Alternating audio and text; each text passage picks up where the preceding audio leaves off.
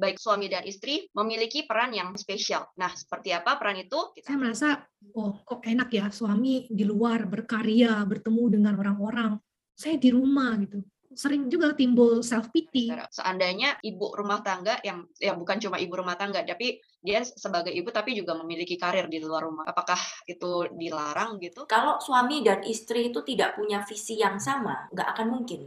Misalnya pernikahan itu saya maunya bahagia, saya maunya aman. Itu visi untuk diri sendiri, itu bukan pernikahan.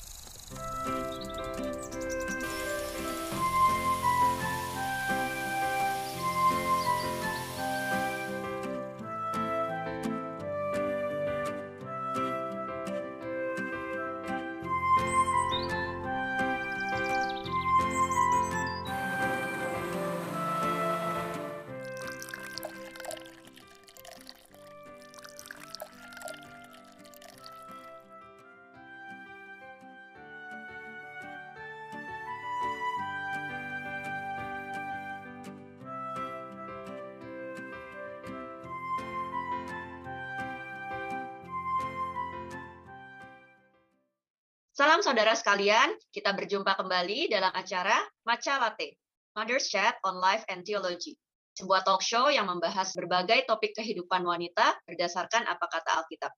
Dalam episode kali ini berjudul Sweet Home, yaitu tentang peran suami istri. Bersama saya, Patricia, kali ini kita sudah ditemani oleh narasumber kita, Vikaris Vera, dan seorang guest dari MRI Tokyo, Ibu Yeni.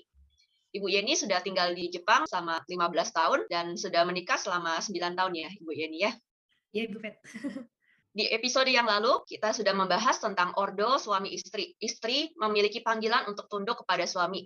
Bukan karena suami lebih kuat atau lebih pandai atau juga memiliki penghasilan yang lebih tinggi. Tapi karena Allah sendiri yang menetapkan suami sebagai kepala keluarga. Sementara itu, suami juga meskipun sudah mendapat status kepala, tapi baru akan dihargai sebagai kepala jika melakukan perannya sebagai kepala keluarga. Nah, sekarang kita akan membahas apa itu peran suami dan apa ya peran istri. Saudara, di zaman sekarang ini kita lihat bahwa lazim untuk wanita memiliki karir yang tinggi. Bahkan sering kali wanita karir cenderung dipandang lebih tinggi dibandingkan dengan wanita yang tinggal di rumah menjadi ibu rumah tangga. Fenomena ini sering kali kita anggap sebagai kesetaraan pria dan wanita. Tapi ini akan mengundang kepada ekstrim yang lainnya. Perbedaan antara pria dan wanita tidak lagi dihargai. Saudara, pria dan wanita memiliki derajat yang sama, tetapi memiliki natur yang berbeda. Ada buku berjudul Men Don't Listen and Women Can't Read Maps. Wanita cenderung tidak bisa membaca peta, sering kali buta arah, tapi wanita lebih ahli dalam multitasking. Ini mungkin bisa membantu kita berpikir bahwa baik suami dan istri memiliki peran yang spesial. Nah, seperti apa peran itu? Kita akan bahas dalam bincang-bincang kali ini. Pertama-tama kita akan tanya kepada guest, kalau berangkat dari pengalaman saya pribadi, eh, saya dan suami kami berbagi peran dengan jelas. Eh, pertama-tama, tentu saja suami memiliki peran dalam mencari nafkah, juga sebagai imam, suami berperan dalam mengajarkan firman kepada anak-anak. Dan selain itu, ya secara umum laki-laki memiliki pola pemikiran yang lebih terstruktur ya menurut saya. Sehingga suami saya di rumah itu lebih sering mengajarkan anak-anak tentang materi sekolah gitu dan juga mengenai musik dan Eh, penjelasan dari suami saya itu lebih dimengerti oleh anak-anak gitu. Nah, eh, sementara kalau peran saya, kalau menurut saya secara general kita wanita itu lebih praktikal dan lebih detail. Jadi saya mendukung suami dan keluarga ya dengan mengurus anak-anak, mengurus pekerjaan rumah, keuangan, juga urusan-urusan sekolah yang detail-detail. Juga selain itu saya juga memberikan perhatian ke orang-orang sekitar dan keluarga kita. Ya, seperti itu pembagian peran dalam keluarga kami. Kalau kita lihat dari contoh di rumah Ibu Yeni, kita melihat pembagiannya sangat jelas ya antara suami dan istri. Dalam menjalankan peran itu kan sepertinya nggak mungkin selalu lancar-lancar aja.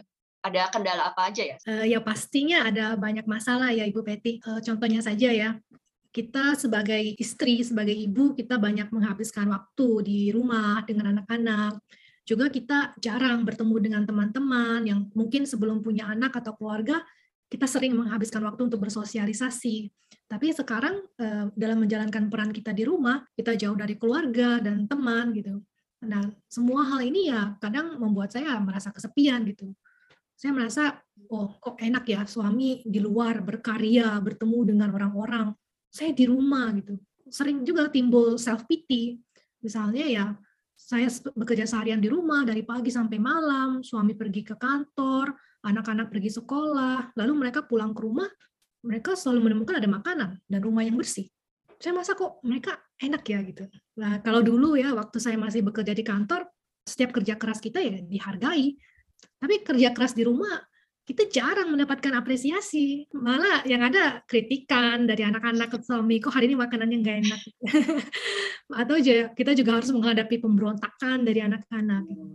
Ya sehingga saya pun uh, sehari-hari pun mengalami krisis identitas, krisis nilai diri saya gitu. Merasa self pity sehingga kadang-kadang juga ada perasaan uh, saya nggak mau ah di rumah saja, saya juga mau maju ke depan saya juga mau seperti suami bekerja di luar. Toh saya sebenarnya bisa kok. Saya juga sekolah tinggi gitu. Kadang ada perasaan seperti ini dan ketika perasaan-perasaan seperti ini timbul, ya cekcok dengan suami itu tidak terelakkan. Terima kasih Bu Yeni atas sharingnya. Mungkin ada pemikiran kenapa ya kita harus menjalankan peran di rumah sementara suami kita di luar. Vikaris Vera bisa juga memberi insight kalau misalnya nih peran suami istri dibagi 50-50. Istri juga bekerja, suami juga kerja di rumah begitu pria dan wanita itu punya naturnya masing-masing. Jadi kalau saudara-saudara tahu bagaimana uniknya natur pria dan uniknya natur wanita, harusnya kita juga melakukan pembagian peran itu sesuai dengan natur kita masing-masing, sesuai dengan natur pria dan natur wanita. Kayak yang tadi Ibu Patricia bilang women can read maps. Wanita itu lebih ke arah tidak bisa mengenali arah ya, daripada pria. Dan men don't listen. Karena memang ada perbedaan natur masing-masing antara wanita dan pria terus sama tadi ada istilah ini ya bagiran atau 50-50 ini kenapa pertanyaan ini bisa muncul karena mungkin banyak dari kita berpikir tentang keadilan ya adil ya dia kerja di luar saya di dalam tapi mungkin juga suami juga bilang nggak adil ya kamu bisa di rumah enak-enak saya harus di luar berperang mungkin sama seperti itu. Karena itu konsep keadilan itu apa? Adil itu bukan berarti sama rata. Adil itu bukan berarti 50-50. Kalau yang namanya adil seperti itu, wah, ini dunia berarti benar-benar tidak adil. Keadilan itu berarti setiap orang itu unik ya menjalankan sesuai dengan keunikannya masing-masing. Baik itu tanggung jawab, baik itu hak, itu kita jalankan sesuai dengan keunikan itu masing-masing. Tadi Vikaris Vera menyebutkan kata unik pria dan wanita itu unik. Bisa dijelaskan uniknya peran suami dan istri ini? Peran suami yang unik itu sebenarnya ada dua ya. Yang pertama, suami itu adalah orang yang paling pertama harusnya meneladani Kristus. Kemudian yang kedua, suami itu adalah menjadi pembela, harusnya menjadi pelindung bagi istri dan anak-anaknya. Jadi yang pertama tadi meneladani Kristus. Itu apa yang diteladani ya? Apa yang dilakukan Kristus? Kita coba lihat ya dari Filipi pasal 2 ayat 5 sampai 8. Saya bacakan. Hendaklah kamu dalam hidupmu bersama menaruh pikiran dan perasaan yang terdapat juga dalam Kristus Yesus, yang walaupun dalam rupa Allah tidak menganggap kesetaraan dengan Allah itu sebagai milik yang harus dipertahankan, melainkan telah mengosongkan dirinya sendiri. Ini ya yang harus dilakukan. Mengosongkan dirinya sendiri dan mengambil rupa seorang hamba dan menjadi sama dengan manusia dan dalam keadaan sebagai manusia, ia telah merendahkan dirinya dan taat sampai mati, bahkan sampai mati di kayu salib. Jadi apa yang dilakukan Kristus? Yang pertama-tama dilakukan Kristus tuh mengosongkan dirinya. Jadi bukannya dengan semena-mena mempergunakan otoritas sebagai pemimpin untuk menekan istri ataupun anak gitu. Enggak. Justru karena pemimpin harusnya mengosongkan diri. Terus apalagi yang kedua yang harus dilakukan? Mengambil rupa seorang hamba. Kelihatan paradoks ya. Pemimpin tapi hamba. Karena pemimpin, maka dia itu harusnya memberikan contoh bagaimana menjadi seorang hamba. Melayani itu seperti apa sih? Supaya kita istri dan anak-anaknya pun bisa tahu melayani itu artinya apa. Seberapa jauh sih kita harus melayani. Nah itu suami yang harus kan, harus memberikan contohnya. Nah terus yang ketiga apa? Kristus itu kan mati di kayu salib bagi gerejanya kan ya. Mati di kayu salib bagi gerejanya. Begitu pula dengan suami harus mematikan dirinya supaya anggota keluarganya itu bisa bertumbuh. Contohnya mungkin kita sendiri kan istri-istri banyak bergumul dengan kok saya nggak kerja, saya harusnya bisa berkarya di luar. Saudara jangan salah, suami pun punya pergumulan seperti itu. Tidak semua suami mungkin, tapi kebanyakan suami itu mengalami antara passion dan pekerjaan dia. Dan biasanya suami itu membengkalaikan, membiarkan passion dia tidak uh, tidak terlalu menjalankan passion dia tapi ada pekerjaan yang harus dia jalankan. Misalnya ya, keluarga yang suaminya itu sangat suka main musik, tapi dia dia tahu dengan hanya dia menjalankan passionnya dengan bermain musik ini, secara ekonomi akan sulit untuk hidup. Anak-anaknya pun mungkin untuk sekolah aja sulit gitu loh.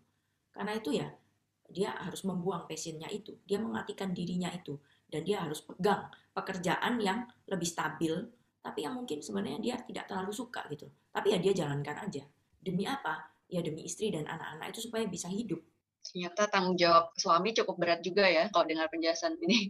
Di poin yang kedua adalah suami sebagai pelindung. Itu seperti apa ya? Sebagai pembela, sebagai pelindung, berarti suami itu dapat menciptakan rasa aman. Jadi kalau suami itu kehadirannya ditunggu-tunggu, ketika dia pergi, terus ditunggu-tunggu sama istri kapan pulang, terus begitu pulang, habis itu disambut oleh anak-anak, wah papa udah pulang, anak-anak seneng banget. Nah, itu salah satu indikator berarti suami itu sudah menciptakan rasa aman di dalam rumah itu. Jangan sampai nanti istrinya bilang, e, lebih baik suamiku nggak ada di rumah. Dan saya yakin banyak loh keluarga kayak begini. Nah, rasa aman ini ditimbulkan karena suatu pola atau suatu sistem yang diciptakan oleh suami di dalam rumah. Jadi tahu ya, natur pria itu sebenarnya lebih ke arah disiplin.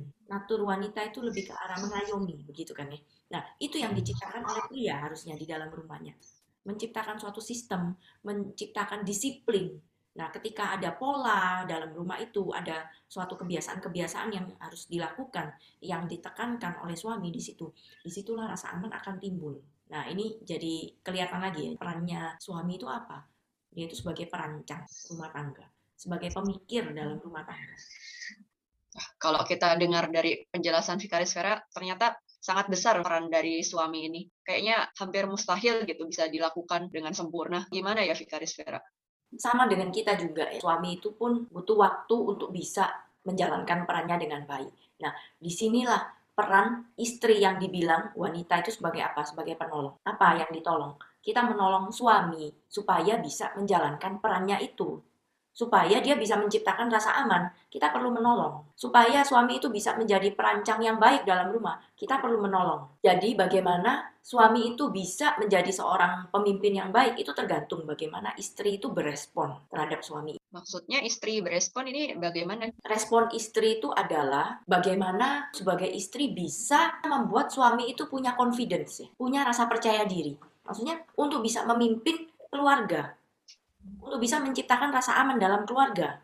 Misalnya, dalam episode-episode yang sebelumnya kita udah belajar uh, yang membuat keputusan biarlah suami. Tapi bagaimana kalau suami ada kesalahan?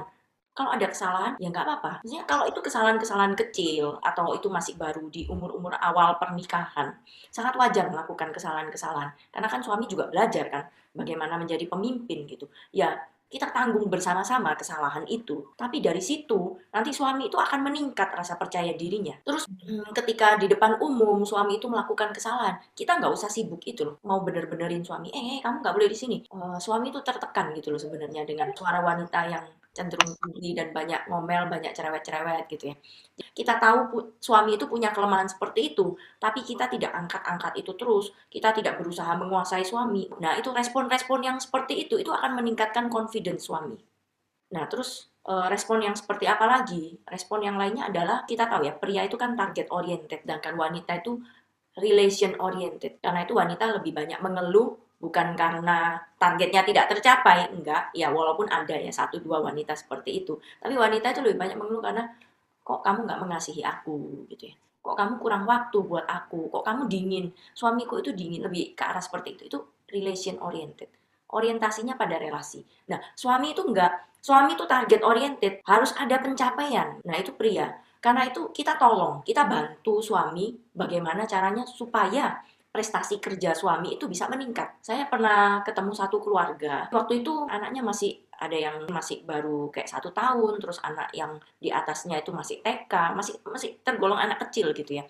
Suaminya juga masih karyawan yang baru di suatu perusahaan.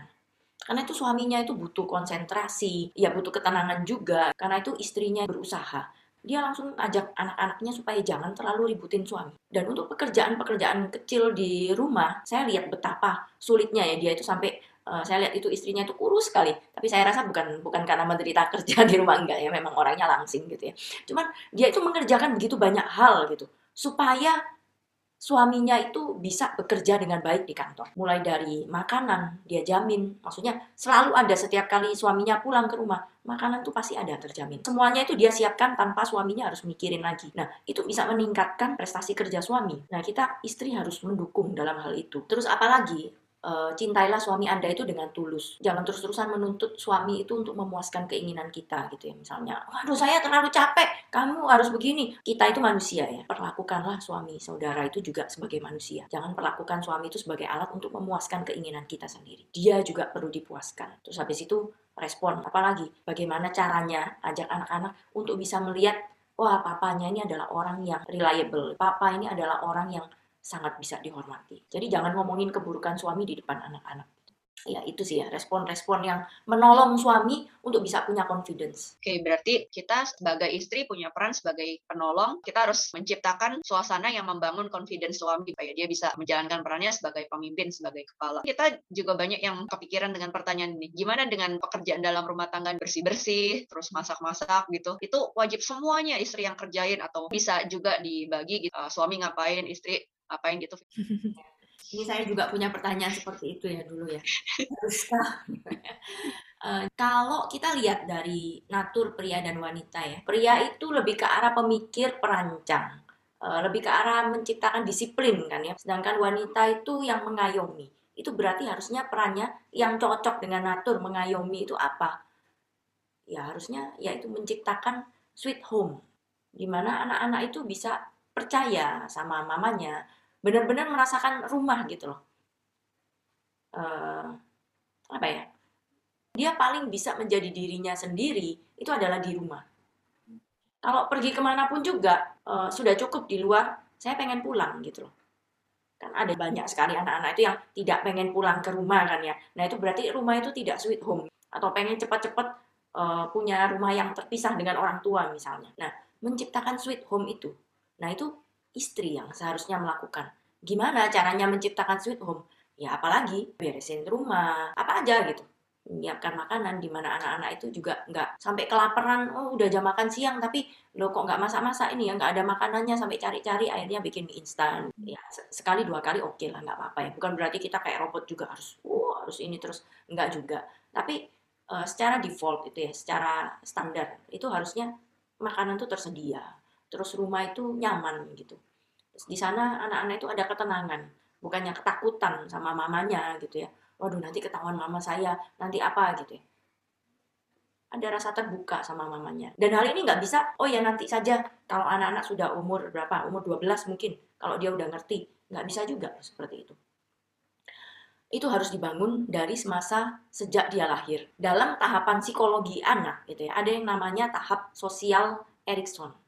Tahapan sosial Erikson itu anak-anak umur 0 sampai umur satu setengah tahun itu adalah fase di mana anak-anak itu membangun rasa percaya dia bayi ya itu bukan anak-anak ya. Di mana bayi itu membangun rasa percaya dia kepada orang yang ngurusin dia. Nah, bayi umur satu setengah tahun tuh yang diurusin apa? Ya urusin kotorannya suapin dia makan. Tapi itu kan harus tiap hari kan harus setiap saat terus seperti itu nah rasa percaya itu dibangun seperti itu kalau yang ganti popoknya atau yang uh, kasih dia tidur, terus habis itu kasih dia makan setiap harinya adalah orang lain, ya dia akan percaya kepada orang lain itu bukan kepada mamanya. Lewat dari umur itu sudah fasenya udah beda lagi, udah bukan rasa percaya lagi yang dibangun. Nah karena itu sweet home itu diciptakan sejak anak itu lahir, di mana dia itu bisa bangun percaya kepada sang mama itu. Oke, jadi untuk pekerjaan rumah tangga bukan berarti juga semua pekerjaan domestik itu istri yang harus melakukan dan suami tidak boleh melakukan sama sekali. Bukan seperti itu juga. Of course, karena pekerjaan domestik itu sangat banyak ya. Apalagi kalau punya anak itu pekerjaannya itu banyak sekali dan itu kemungkinan tidak sempat. Itu suami boleh bantu. Tapi bantu itu bukan berarti 50-50 Bantu itu bukan berarti 50-50. Ketika udah saking banyaknya, kita nggak sempat melakukan. Uh, misalnya oh baju nggak sempat dicuci ya oke okay. suami dengan kesadarannya bukan dengan paksaan kita gitu dia akan bantu cuci baju jemur baju oke okay. atau mungkin kalau suami juga sibuk kita juga pasti sibuk semuanya sama-sama nggak sempet ya sudah nggak apa-apa biarin aja lah dulu baju gitu nggak usah ngomel-ngomel hmm. biarin aja dulu baju mungkin sementara tidak terurus gitu tapi nanti setelah kesibukan kan bukan selama satu tahun itu bisa sibuk terus enggak. Kalau sampai satu tahun itu sibuk terus, nah itu mungkin kita perlu dipikirkan ulang gitu loh, benar enggak kegiatan yang kita lakukan gitu ya. Nah, jadi ya setelah kesibukannya turun, ya kita mulai beresin rumah lagi, cuci bajunya yang belum dicuci, belum dilipat gitu ya.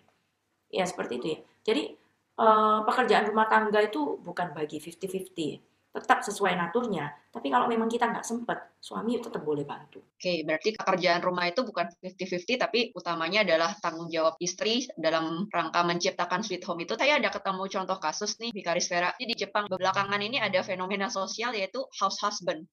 Jadi house husband itu adalah laki-laki yang bersedia mengurus rumah tangga secara full time, sementara istrinya bekerja. Ini ada satu artikel dari Japan Times, ada seorang suami bernama Horikomi, lulusan Tokyo University dan bekerja sebagai engineer. Sementara istrinya bekerja sebagai peneliti.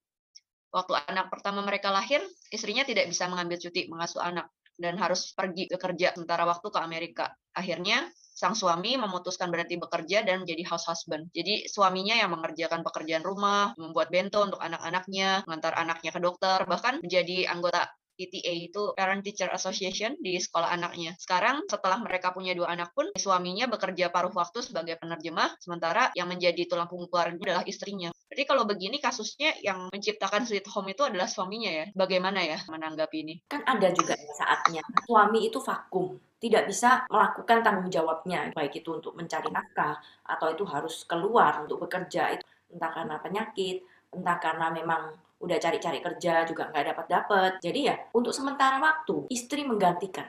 Itu nggak apa-apa. Dan memang seharusnya seperti itu. Tapi jangan sampai settle dengan hal itu. Bagaimanapun juga itu adalah kondisi khusus kan ya. Jadi jangan sampai menjadikan itu hal yang wajar. Itu itu hal yang tidak wajar. Tapi memang harus dihadapi. Jadi ya nggak apa-apa. Gantikan aja. Istri gantikan. Tapi jangan sampai settle dengan hal itu. Terus habis itu seterusnya seperti itu. Nah di Alkitab juga ada contohnya kan ya Deborah dan Barak. Akhirnya yang menjadi pemimpin siapa? Deborah. Kenapa? Karena memang pada saat itu vakum. Tidak ada pria yang bisa menjadi pemimpin.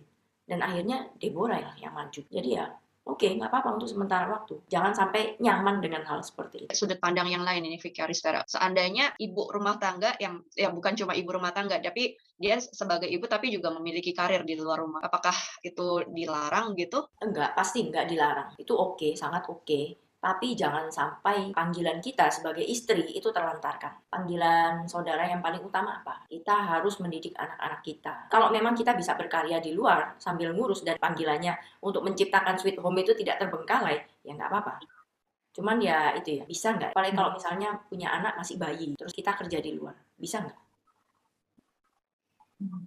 Seperti yang tadi Vikaris Vera bilang, mungkin anak itu jadi nggak punya trust ibunya karena nggak sering ketemu begitu ya. Ngomong-ngomong, kita udah bahas panjang lebar nih tentang peran suami istri. Sebenarnya apa sih tujuannya kok dibagi peran suami ini, peran istri ini? Oh iya, ingat ya, pernikahan Kristen itu selalu punya tujuan yang agung. Dan tujuan itu begitu besar dan mulia karena itu harus bagi tugas yang tepat, yang sesuai dengan naturnya masing-masing. Kalau suami dan istri itu tidak punya visi yang sama, nggak akan mungkin. Gitu. Misalnya pernikahan itu saya maunya bahagia, saya maunya aman. Itu visi untuk diri sendiri. Itu bukan pernikahan namanya. Bisa sewa orang untuk memuaskan diri. Tapi kalau pernikahan itu dua orang yang dijadikan satu dan punya satu visi kalau pernikahan Kristen. Visinya kan untuk memuliakan Tuhan, untuk mengerjakan pekerjaan Tuhan di bumi ini. Nah, itu suami istri harus punya visi yang sama. Kalau punya visi yang sama, bisa dibagi dengan sangat baik gitu. Nggak, nggak saling menuntut dan nggak akan muncul itu pertanyaan-pertanyaan, kenapa saya yang mengerjakan ini gitu nggak akan muncul pertanyaan seperti itu. Mungkin kita bisa beralih ke Bu Yeni, apakah sudah punya visi yang sama suami istri? Saya rasa uh, to some extent kayaknya saya dan suami punya visi yang sama ya. Karena itu kami berusaha untuk bekerja sama itu. Meskipun ya sebagai orang berdosa, ya setiap hari kami pun bergumul dalam menjalankan peran kami. Uh, seperti tadi kata Vikaris Vera, berusaha untuk masing-masing kita mematikan diri kita untuk menjalankan peran kita. Dari pengalaman juga ada tips-tips praktisnya begitu untuk bisa lebih rela menjalankan peran kita sebagai istri. Uh, saya rasa dari pengalaman saya pribadi, saya rasa paling yang hal yang terpenting yang harus ya kita lakukan ya adalah belajar firman Tuhan. Kebenaran Tuhan itu membebaskan kita gitu. Seperti tadi Vikaris Vera memaparkan banyak kebenaran, apa itu keunikan peran suami dan istri, apa itu menjadi panggilan Tuhan, apa itu mematikan diri itu semua kita nggak mungkin tahu kalau kita tidak belajar firman Tuhan. Dengan kita belajar firman Tuhan sungguh-sungguh, maka kita bisa mengenal apa yang menjadi kehendak Tuhan uh, iblis itu adalah bapak segala kebohongan. Maka dia akan selalu menyerang kita dengan segala kebohongan, terutama wanita. Hmm. Misalnya ya bahwa tidak ada kemuliaan di rumah, tidak ada kemuliaan dalam mengganti popok, tidak ada ke, tidak ada apresiasi dalam berlelah-lelah di rumah gitu. Itu semua kebohongan dari iblis itu. Dan untuk mematahkan semua kebohongan itu, kita sangat perlu firman Tuhan. Dan dengan mengenal kebenaran firman Tuhan itu, kita pun sadar gitu bahwa kita tidak kesepian di rumah dalam menjalankan peran kita itu karena ada Tuhan yang bersama-sama kita. Tuhan yang menolong kita untuk taat itu. Tuhan yang memberikan kita kekuatan untuk bisa menjalankan uh, peran kita. Ya, itu Ibu Peti yang saya bisa sharingkan. Mungkin banyak yang dari kita yang sering melupakan hal ini ya, belajar firman Tuhan, tapi sebenarnya itu justru iya. sumber energinya ya. Kita benar-benar minta sama Tuhan untuk bisa kita melihat bahwa ini pekerjaan yang sangat mulia. Pekerjaan yang sangat mulia. Kalau kita bisa berkarya untuk orang di luar, masakan kita tidak menggunakan kepandaian kita itu untuk membuat anak-anak kita itu juga bertumbuh. Sekarang terlalu sibuk itu nggak ada waktu untuk berdoa itu nggak sih? Pengen cepet-cepet gitu rasanya kalau berdoa kan. Padahal sebenarnya berdoa itu adalah hal yang penting di hadapan Tuhan. Saya juga ingat satu kutipan dari G.K. Chesterton seperti ini. How can it be a large career to tell other people's children about the rule of three and a small career to tell one's own children about the universe? How can it be broad to be the same thing to everyone and narrow to be everything to someone? No, a woman's function is laborious, but because it's gigantic, not because it is minute. Ternyata bukannya lebih mulia kalau kita punya karir di luar, kita bisa berkontribusi di luar rumah. Tapi sebetulnya kita punya tanggung jawab yang besar ketika kita di rumah mendidik anak-anak kita, kita mengajarkan pada mereka tentang dunia ciptaan Tuhan. Keberadaan kita begitu pentingnya untuk anak-anak kita. Baik, kita sudah banyak membahas tentang peran suami istri dalam kesempatan kali ini. Terima kasih pada Ibu Yeni dan Ibu Vera. Saudara, kita masih akan membahas soal aspek-aspek pernikahan dalam episode Macalate berikutnya. Sampai jumpa. Sampai jumpa.